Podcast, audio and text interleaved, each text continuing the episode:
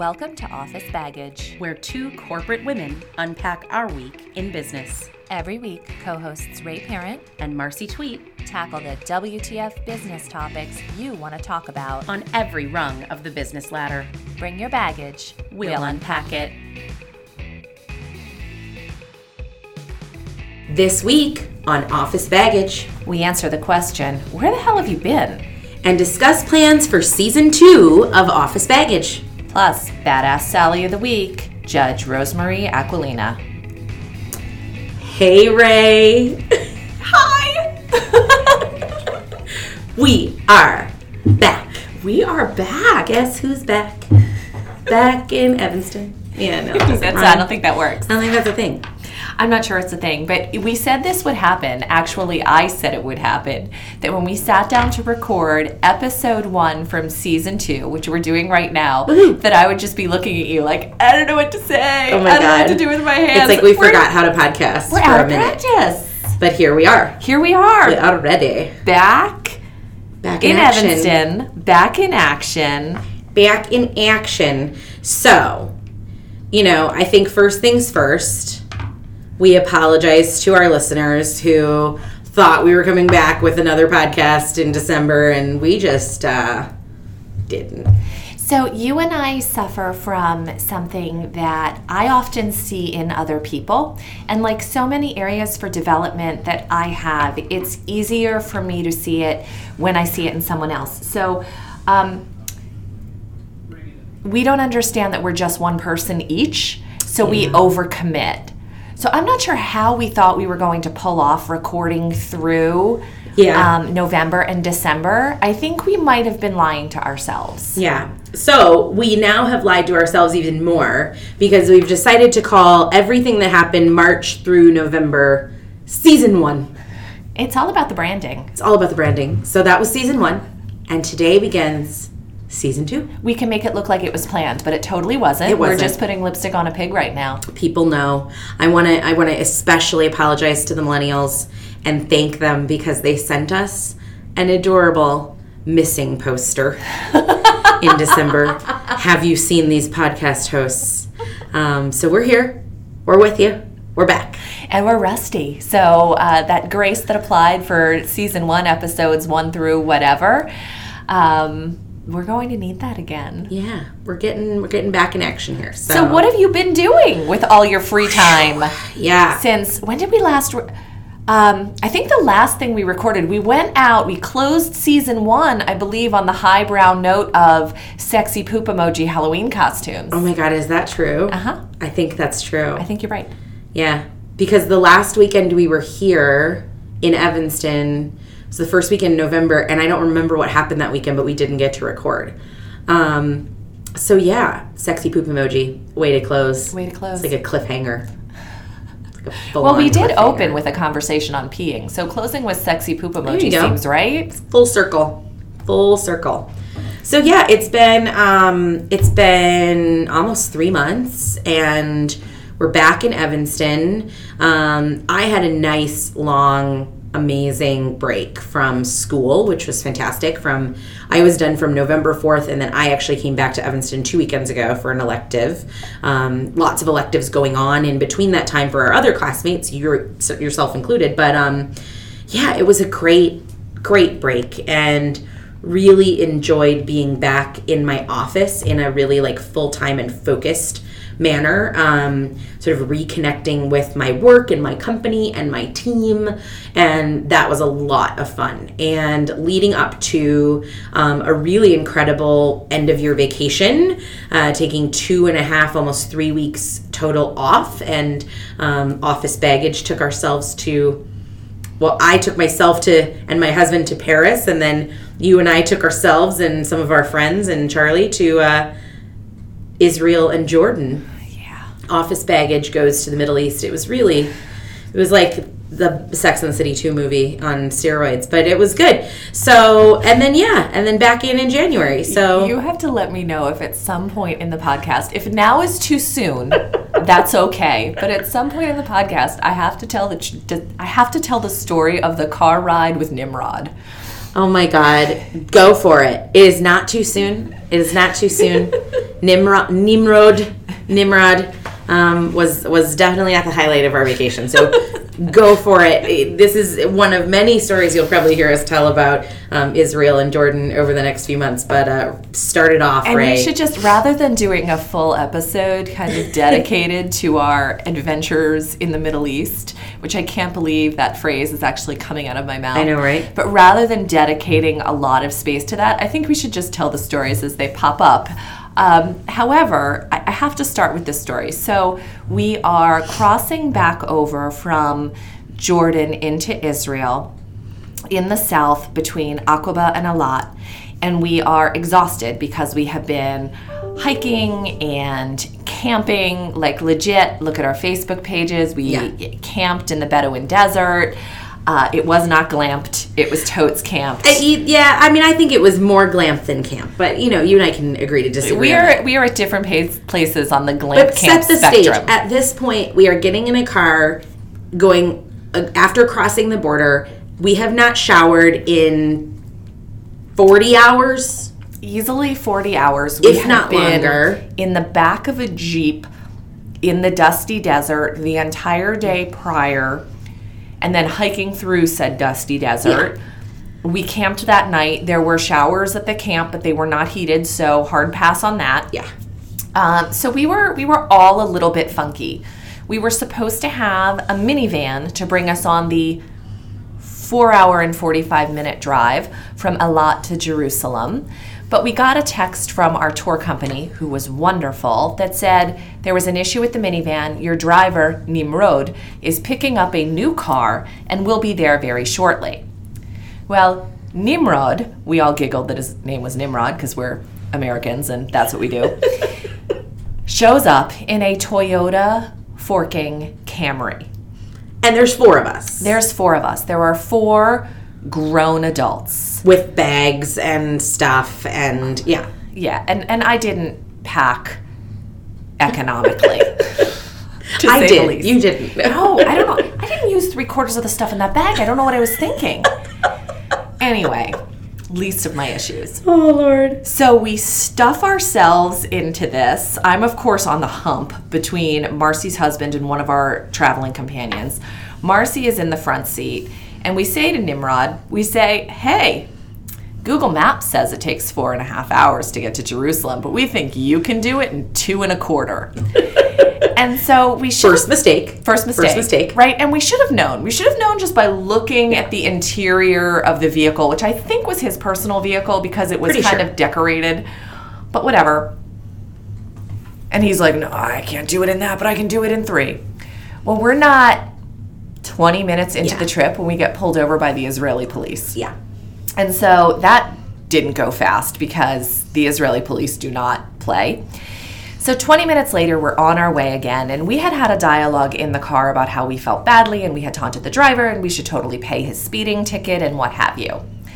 So we're back on our way again, and Nimrod decides now's the time to start a political conversation. And he starts with, I, I can't, it's, it's gonna be hard to even get these words out of my mouth. What do you guys think of Donald Trump? And mind you, at this point, we have been in Israel and Jordan for something like seven, six, seven days. Right. And had had zero political conversations up to that point. Like there just had not been discussion of it.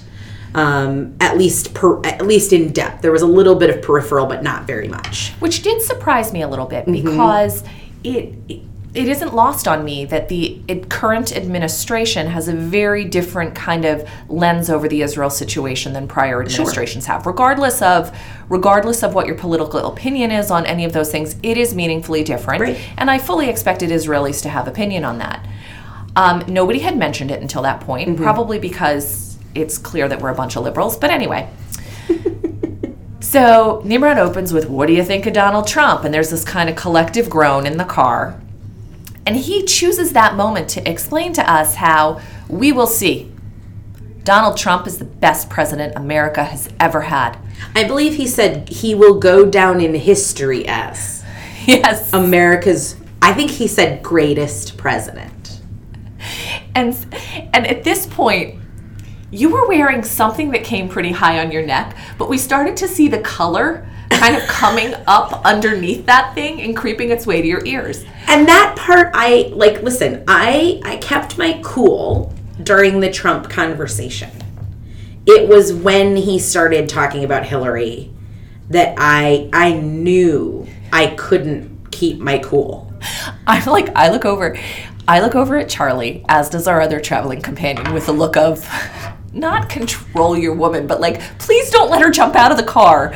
Yeah. Please Like don't she's let gonna be on the side of the road in the MFing West Bank because he drove us, mind you, like any other driver would have driven around the West Bank. And Nimrod, who is like jujitsu guy, former Israeli police, is like going straight through the West Bank.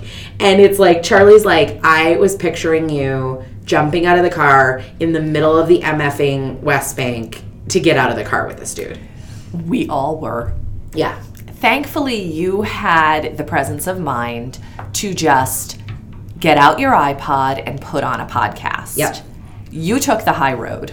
I did because I'm like, I'm not. Listen, I can argue with somebody about Trump all day long. I will not, and I am done arguing with anyone about Hillary Clinton ever again as long as I live. It's over. Okay? She lost. I get it. Let's move on. We don't need to keep dragging Hillary through the mud. I could not And so I'm like, more. I'm just done. So I put in my podcast my favorite moment that I heard about after the fact because I am cranked up Oh. listening to the reality Steve podcast about The Bachelor. Which was probably more coherent than Nimrod, Probably. I tried to go with him. And I later hear that Nimrod at one point turns to you guys and says, Is she always this quiet? like in unison, the three of you were like, Yep, yep, all the time. All the All the time.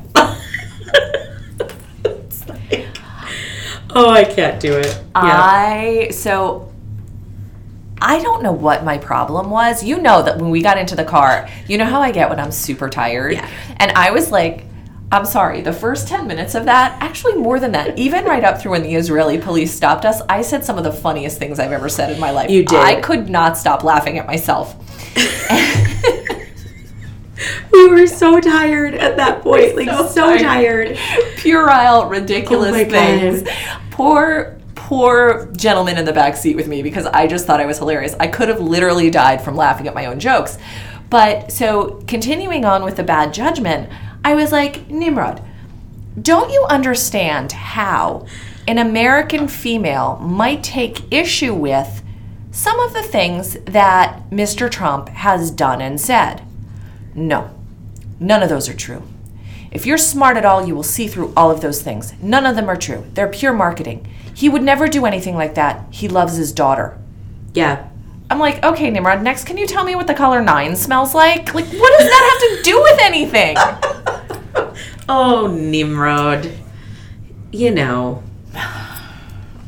I mean, he got us to Jerusalem He got us to Jerusalem. safely, and I, I And we I did thank not- him and I send him on his way. We did not pay his ticket. We didn't. No, No. we didn't. That was not happening. Because when we got out of the car at effectively the Israeli version of the Dairy Queen for lunch, um,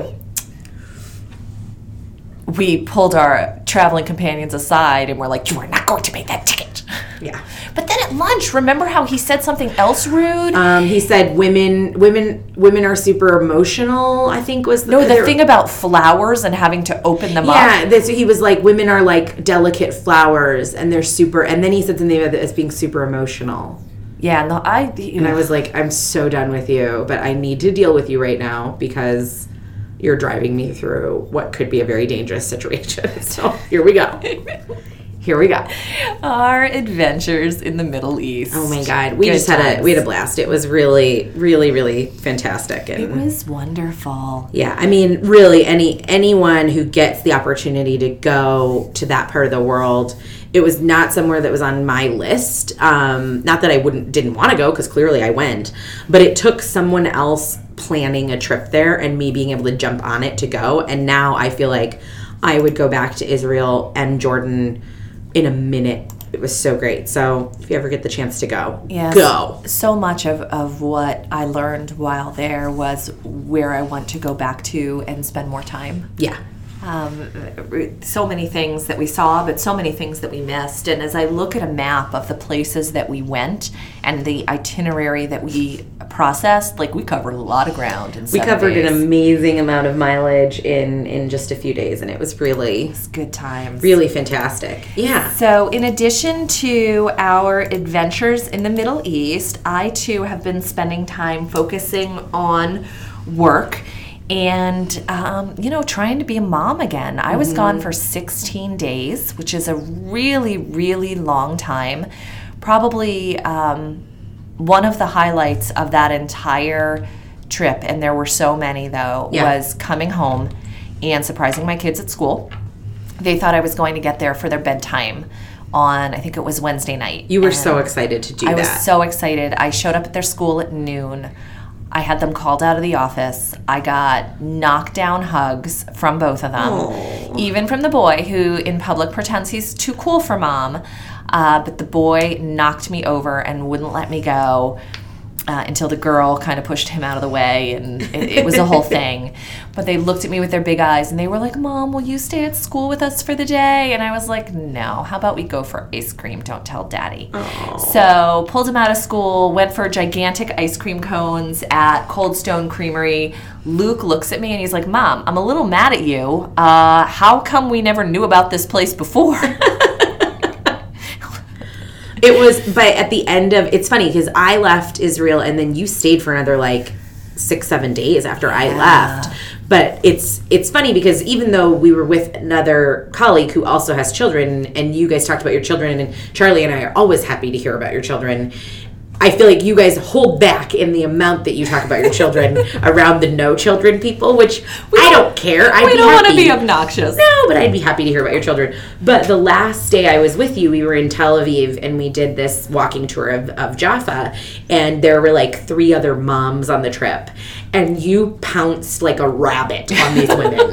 like, let me tell you all about the babies. Like, it just was like, Ray's been holding in the pictures and this, you know, everything. And so it was just so sweet to see. It's so true. I our other uh, traveling companion who was in the classes with me for seven days. I had said it at one point, like four days into classes, we're going to be sitting in a corner, not socializing with anybody, just showing each other pictures of our kids. And legitimately, that happened. Like I had pictures from when they were two and three years old. Like, look at Lucas, baby. Look at him having a tantrum because he wanted broccoli. That's hard, but I'm so proud of you for doing it. And I think I've said this on the podcast before, but one of my favorite speeches I've ever heard Jamie Lee Curtis give. And she talked about how important it is to never say mommy has to go to work Yep. and always say mommy gets to go to work. And it's like as hard as it was for you to leave them, like what an awesome example you've provided them of a mother who can be independent and can do her own thing and can trust your partner in Chris to handle the situation and can trust them to be, you know, good, well behaved most of the time, you know, fantastic kids.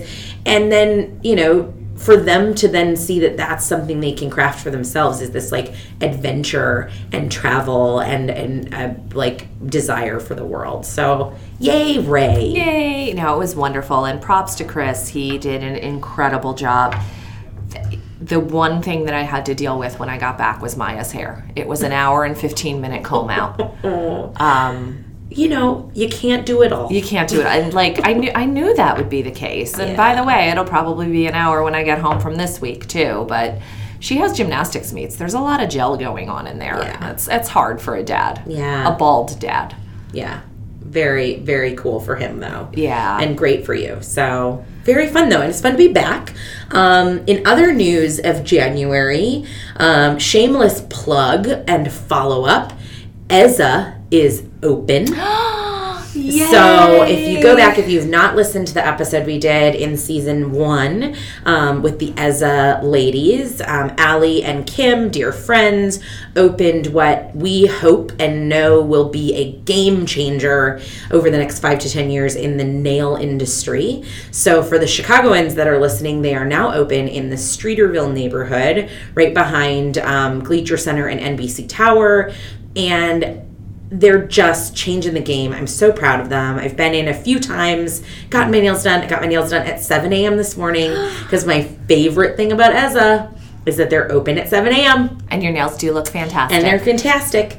Um, so they're just killing it. I'm so happy for them. They've been open just over a month, and in their first month, they did something like 450 manicures. wow. So they're just killing it. So a shameless plug for them. They didn't pay us to tell them, tell anybody about them. We just adore them. Not that we're not. I mean, just so we're clear for anybody listening, we totally will do sponsorships. yeah, Yeah, we pay us. will. We'll say freaking anything. Of course. At least I will. You have like morals and principles and Yeah, stuff. No, just a few. Um, but yeah, so they're open and super excited for them. And it's it's funny. Charlie and I um, liken ourselves to their like business consultants, whether they like it or not, because it's so fun. And they had an issue. They had ordered. I hope they don't mind me talking about this. I'll ask them before I post this. But they had ordered some lamps, um, you know, curing lamps for no chip manicures. I won't say from who. And the lamps were the brand new, like state of the art, best lamps they could order, and they were crap. Like the lamp itself wasn't, but the way you had to. I I was there the first week they had them. The way you had to put your hand in it in order for every one of your fingers to cure was like breaking your own fingers to do it. It just wasn't a Oh. good situation and watching them deal with it was really fun. My incredible husband who's never had a manicure in his life and doesn't know anything about this, as I'm telling him this situation at night after I had gone there is like literally drawing ideas for like the fix of a lamp and how do you fix it? And it you know it's just funny because Allie and Kim I'm like you don't realize how invested Charles is in your business but he's super invested. Um, so they're doing great. So yay Eza fantastic. That's great. fantastic stuff. Good for them. yeah. What else is new with you Ray parent? Gosh. Work, kids, school. There's n- there's nothing else about me. I haven't exercised in three months, other than all the crazy stuff that we did when we were in Israel. I think that counts for like three months of exercise oh my gosh! we hiked should. we hiked we hiked more yeah it was there were thing. two cities where there was not alcohol. Yeah. Dry, dry cities. If you're ever going to glamp in the Bedouin desert, Bring a bring flask. your own flask. Yeah. Um, Because if ever you're going to need alcohol, it's in the Bedouin desert. yeah. Which is funny. We, you know, the Bedouins know how to party, and we were, you know, we did not stay up to party with the Bedouins. No, we did not. I put in my fuchsia earplugs and PTFO. Yeah. Yeah, Yeah. I needed to. It was a busy day. Time to go. It was a super busy day. So I have a great mansplaining story, Oh. and then you have badass Sally of the week. Oh, yeah. And then I think we need to kind of, we haven't done this yet. It's so funny. Like, I think our podcast is just as much for us to figure out what the hell we're doing on season two Yeah, you know. as anything else. But that's good because we can post it and get feedback because our listeners are great with giving us feedback. Exactly. So, um, great mansplaining story, and followed by a, a hopefully redemption in the mansplain a little. So I bought a new car in at Thanksgiving time, um, and I bought my car in Minnesota because we have a really good friend um, of Charlie's that sells cars. So I ended up buying it from him. So I come back to Chicago and then have to return my car, my old car, because it's a lease. So I have to return it to the dealership, and I will not say where or who the dealership was. And at the end of the day, what happened was you when you lease a car, you don't lease the car from the dealership. I mean, people probably know this, but I didn't know this because I had never leased a car until three years ago. Um, you don't lease it from the dealership; you lease it from the financial services arm of that, whatever it is, GM, Ford, Honda, etc. Um, and so you still have to return the car at the dealership. That financial services arm needs to send a piece of paperwork to the dealership to allow them to take your car. So essentially, what happened is I called. I did everything right. I called the financial services arm. I called the dealership. They were supposed to fax the paperwork. I had an appointment set up to go return my car. They didn't have the paperwork. And at the dealership, a very large man was the person who was helping me. Very large man, very tall, very large man. And his reaction to me was so heinously rude. And the funny thing is, I came in, I was by myself because Charlie was driving up right behind me um, in my new car so that we could drop off my car and then he could drive drive me home. And if you know anything about Charlie and I, it's that I drive five times as fast as he does. He's like old man driver. So I was there for probably 15 minutes by myself, literally like trying to talk to this guy. And I remained pretty calm. And this guy yelled, like raised his voice at me. I I didn't know what to do. I was eh, What was he he was like, "I'm not taking this car. I'm not taking this car. I got no-" like. I mean, it was just. He's like, "You're. This is ridiculous." And I was like, "Okay, let me just recap with you. I spoke to your guy here last Tuesday. We set up an appointment for right now for me to return my car. Like, I mean, it just whatever. So finally, Charlie shows up and comes in." And this guy, there were points in the conversation where this guy literally got over top of me. Like, if you, I mean, he was probably six three, six four. I'm five foot three and a half. And there were times where, like, he literally, I was literally leaning back because he was leaning over me and raising his voice. And it, and I really betrayed my, my like female executive sensibilities in that moment. And I cried. I lost it. I I got very very intimidated. I started to cry, and the minute that that happened, when I finally like broke down and tears were rolling, I left. I was like, I gotta go. I gotta get out of here. I gotta go. Because he would not resolve the situation. Because I was like, literally, dude, I don't have a place to park this car. Like, the plan was we come back from Minnesota, we bring it the same day and return it to you because I literally don't have a place to park this car. Like I can drive it downtown and pay a random parking garage to park it, but like I only have one spot, right? And he would not take the car. So we walked out. I turned to Charlie and I'm like, he was yelling at me, right? Like I'm not nuts. Like he was yelling at me. And Charlie goes, Oh yeah. Like he had his voice raised to the whole time. He was absolutely intimidating. Like this was crazy. So we go back. First thing in the morning, I call the financial services arm. Turns out they didn't send the paperwork. So it was totally their fault. And they owned it. The guy on that end was like, I'm so sorry. We should have sent the paperwork. I will call the dealership personally. They will take the car today, like whatever you need to do. So, whatever. So I'm still mad. So I call the general manager of the dealership and I leave a message and he calls me back. And very early on in my call with him, I can tell he's very defensive. And he says to me, which just by itself is so messed up, he's like, Actually, I was there for a lot of the conversation that you had with my manager last night. And I'm like, You were there and you didn't step in with this guy like having this altercation with me? And I'm like, If you were there, then you know. He had his voice raised to me the whole time. And he's like, I don't think that's true. And I'm like, my husband is the most laid back person ever. If my husband thinks that someone's voice is raised, it was raised, right? And then he said these words to me, and like hallmark of the mansplain. You got to understand. That's just how he is. That's just how he is. He's just a really animated dude. He used the words animated dude. And I just thought, oh my God. And I almost at that moment said, like, screw you. I don't have anything to say to you. I'm hanging up the phone. And instead, I said, Marcy, like, you lost your executive female composure last night. Gain it back today. And I said to him, I really want you to think about what you just said to me. I really want you to think about the context of the words, that's just who he is, in the context of everything going on in the world right now. And I said, I work in the manufacturing industry. Gruff dudes is like on my plate all day. So if that guy, if your staff member made me, a female executive who works in manufacturing, physically uncomfortable, what do you think he's done to other women? And how do you think he's made them feel? And I literally heard him go, and I, I thought, oh my God, I've got it. And he said, I'm so sorry.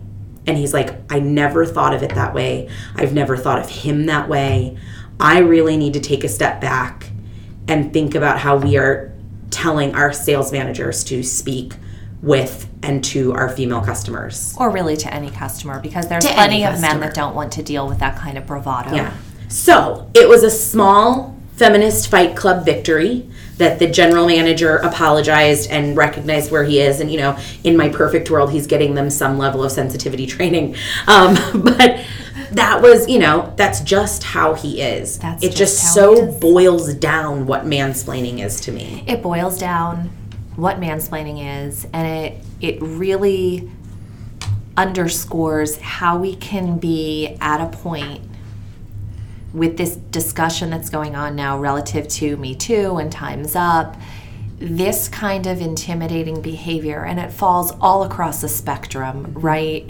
He, he didn't touch you. He didn't, like, I get it. I get No. it. There's a spectrum of inappropriate male behavior, but so much of it gets classified very, very deep into that spectrum is, is that, well, that's just how he is. Yeah. That's just you're too sensitive. That's just how he is as the first response. Yeah. And so good for you for stepping into that conversation, for highlighting the things that are going on in the world, obviously, and for making him think about it. I'm really surprised based on what you just told me that he actually took a deep breath and reflected. Yeah, it was. I, I was as I think that guy, the GM, really, you know, handled his stuff that day, and he apologized and he thanked me and whatever. So we'll move forward. I'm not their customer anymore, so I don't ever have to be again. Um, but super interesting. That is great. That's my mansplain of the week. That's a pretty good mansplain. Yeah, and you have a badass Sally. Oh my gosh, Girl I really- crush. I really do. I have a girl. I have a, I have a woman crush on uh, Judge Rosemarie Aquilina. She is the judge who's deciding Larry Nassar's sentencing in court uh, in Michigan right now. If anybody is monitoring the news, they're seeing that victims of Dr. Nassar have been coming in for about a week now. Um, I honestly, I put my head in the sand on this because when I first heard about it, it was just so very upsetting to me that this was allowed to continue for so very long. A piece of news popped up on my phone about a letter that Larry Nassar wrote to the judge a few days into um, the process where the victims were giving their statements. And basically, he said it was cruel and unusual that he had to sit there and listen to all of this being read. And Judge Aquilina just handed him his ass in court on that topic in a way that there's been a lot of dialogue um, about whether or not what she said is appropriate, whether it is conventional for a judge in a sentencing hearing to say some of the things that she said. It is apparently conventional for a judge in a sentencing hearing to provide comfort to victims or survivors who read their statement, and she very much is doing that, beautifully so if you read through some of the things that she said. But she takes it a step fo- further than that and gives very leading indications as to what this man's sentencing will be. And I just, I appreciate the law and I appreciate that this may be outside of what is conventional, but I also think that there is such fertile space right now for a strong woman to stand in and just say enough. We have to have a different dialogue. We have to make sure that people know this is unacceptable. And she's she's doing that fearlessly. Uh, she read a statement after one of the victims made their statement, and she had said to him, "This is." She said to the victim, "This is about your healing and his demise. It doesn't matter how you slice it. Between the three of us judges, and those are the judges that he's going to be put up against, the next judge he's going to see will be God." And you know, just just the comfort that she's providing to the victims and her ability to just hand this guy his ass Yeah. uh, you know she's she's come right out and said things i i hope if i could i would make what you did to those girls happen to you Yeah. right judges don't say those things Yeah, I- I mean, I think I actually think we'd be if you get to. I think we'd be surprised at how many of them do. It's just never on this stage. Fair. I don't know if that. I mean, I think that's fairly fairly common, but you know, I also think what she said when she read that letter of his, where she said, You put yourself here. You pled guilty. You pled guilty.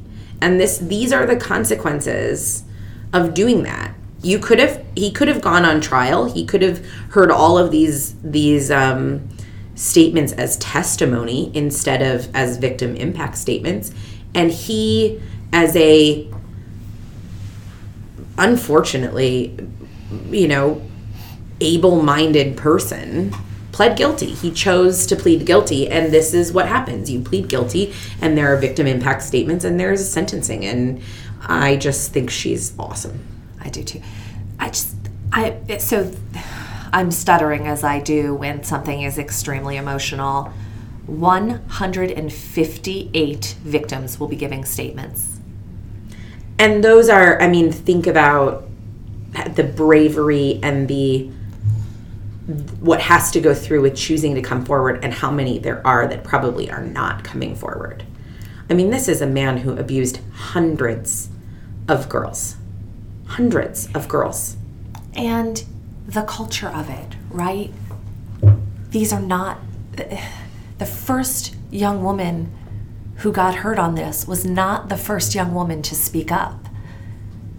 There's apparently evidence that the University of Michigan knew about this. And again, this is where I kind of run into I'm sorry, can we re record? Yep.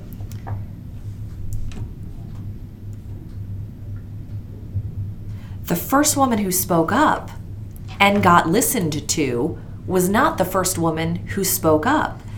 Michigan State University knew about this for over two decades.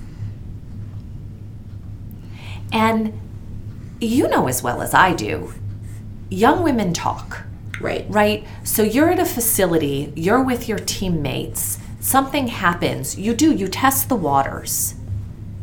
And the fact mm-hmm. that these these young women felt that this was just kind of what they had to put up with in order to achieve their objective in mm-hmm. gymnastics is so completely sickening. This is what we have to take.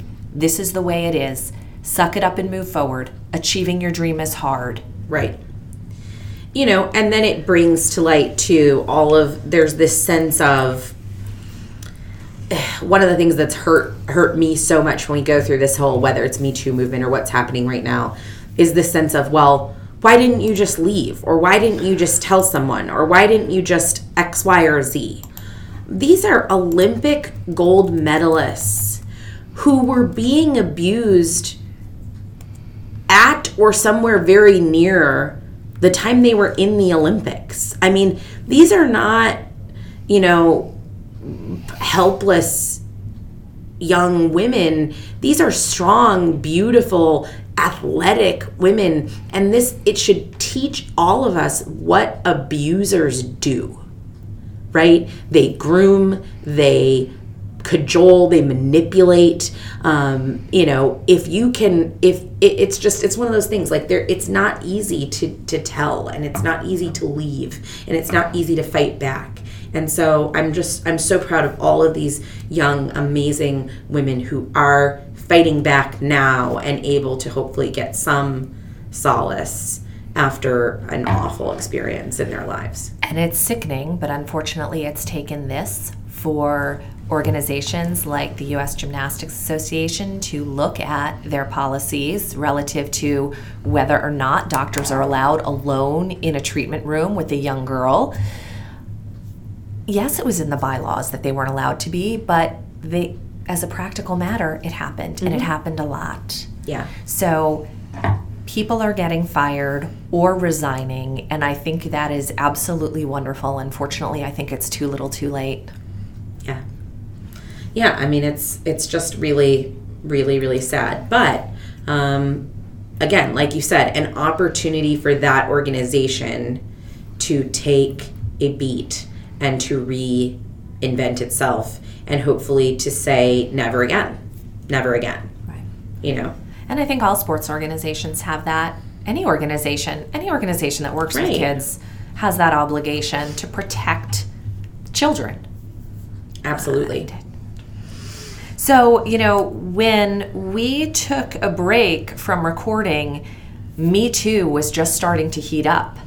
Yeah. And there was a point where I actually thought, oh, it's unfortunate that we're not recording through all of this. By the time we get back together again, it'll be over. I have never, ever been happier to be wrong. Yeah. Between Me Too and Time's Up, I think there's a ton of stuff to explore and to talk about, and it's doing nothing but gaining additional momentum.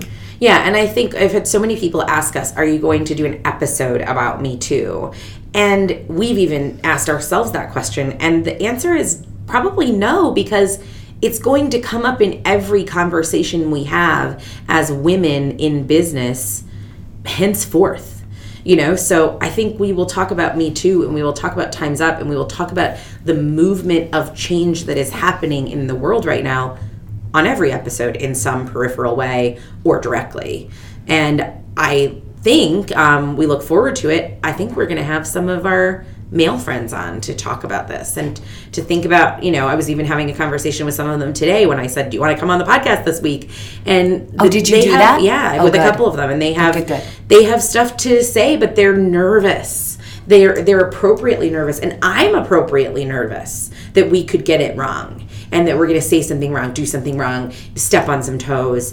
But I think the worst thing we could do is not talk about it for fear of stepping on on something wrong. So I think for our listeners, it's uh, you know stay with us and tell us what you think and help guide us into the topics you want to hear us talk about this Yeah, I would- season. I would like. I, I think you're spot on. The the Me Too stories have always kind of been a part of what has come up naturally in the dialogue. I would love to get a couple of panels together, Yeah. be it a specific male panel or a mixed male and female panel. I know many of our female colleagues have had different kinds of Me Too moments, and there's differing schools of thought on this. Uh, I heard someone say recently that they didn't think women should have to share their Me Too stories. It just, we all have them. It is what it is. I, I do think there's power in hearing all of the different ways in which this can possibly manifest Right. Because it is so very different for all of us given our you know in some cases our ages or the different Agreed. industries in which we work or what have you so i would i would love it if we can make some of that happen while we have a captive audience here to record with us this week Well, and I think part of it too is I don't think we all need to sit around a table and tell our stories about how how about me too, right? Right. But there is power. I go back to our, our episode with with Grace and Alex where they said that we will say things like, "Well, you all know how to deal with X." And maybe young women don't, or maybe any women don't. And so I think the power in Me Too is not just in telling your story, but then in saying, how do you handle that? How do you move forward from it? Um, what would you do differently in the future, or or what would you school a man or a colleague to do differently in the future? And so I think those topics will will certainly come up. And I think it's also about how is your company reacting? What are you hearing from other people relative to this? I had a conversation with an older woman recently on this topic, and she was saying to me, Well, you know, that's just not the world I grew up in. Mm-hmm. And what kept going through my head was, Ye- yes, it is. Yeah. So you were either just so completely used to being treated that way that it was just the norm. But what the space I couldn't get into with her was do you understand how Yeah. I don't want that for my child? Hmm. I it's analogous to and I, I tried to approach it differently. I said, look, we had they they have some friends who are African American, some uh, very the gentleman we'll go with the gentleman. The gentleman is a doctor, is a very influential man in the community. And I said, this gentleman, we'll call him Richard. Richard does have to think about what he wears when he goes out in public. So Richard has to think about "Ah, I can't just throw on jeans and a hoodie if I'm running to the Wawa, Philadelphia area. I have to maybe dress it up a little bit because as a black man, if I show up in a jeans and a hoodie and a Wawa, now is that the end of the world for him? No, but that's extra calories that he has to burn. That we, I think we can all agree in this day and age he shouldn't have to burn. Very, very similarly, Yeah. I shouldn't have to, as a woman, have to navigate all the time the burden of being sexualized in environments where I just don't want to be. Or you shouldn't be. I mean, no one should be sexualized in a business environment. Period. End of story. But even outside of a business environment. Right. Even if I'm walking through the parking lot at the airport, Yeah. even if I'm at a Starbucks getting a latte, mm-hmm. I don't want your attention. If I want your attention, I will look at you and smile and then open season because I've opened a door. Yeah. But if I'm just doing my thing, I don't want you to talk to me and make comments to me about my body. I shouldn't have to burn the calories of Right. telling you to go fork yourself. Just Yeah. like Richard shouldn't have to think, ah, crap, I can't wear a hoodie. Yep. So much more to talk about on this topic. Lots of things coming on season two. It's good to be back, Ray. Yeah. So what else do we got? We um we're lining up a guest who just wrote a book. Correct? You had a conversation with him. I did. We have a guest who just wrote a book who will be coming on. Um, and gosh, we want to talk about real women clothes. That's on my list. Oh, is some it? great um, from our friends at MM Lafleur. Uh. some, some real women clothing companies. That's exciting. We have some awesome uh, uh, female uh, public servants and politicians making news that we want to talk about. oh soon. my gosh, yes. There's great things coming.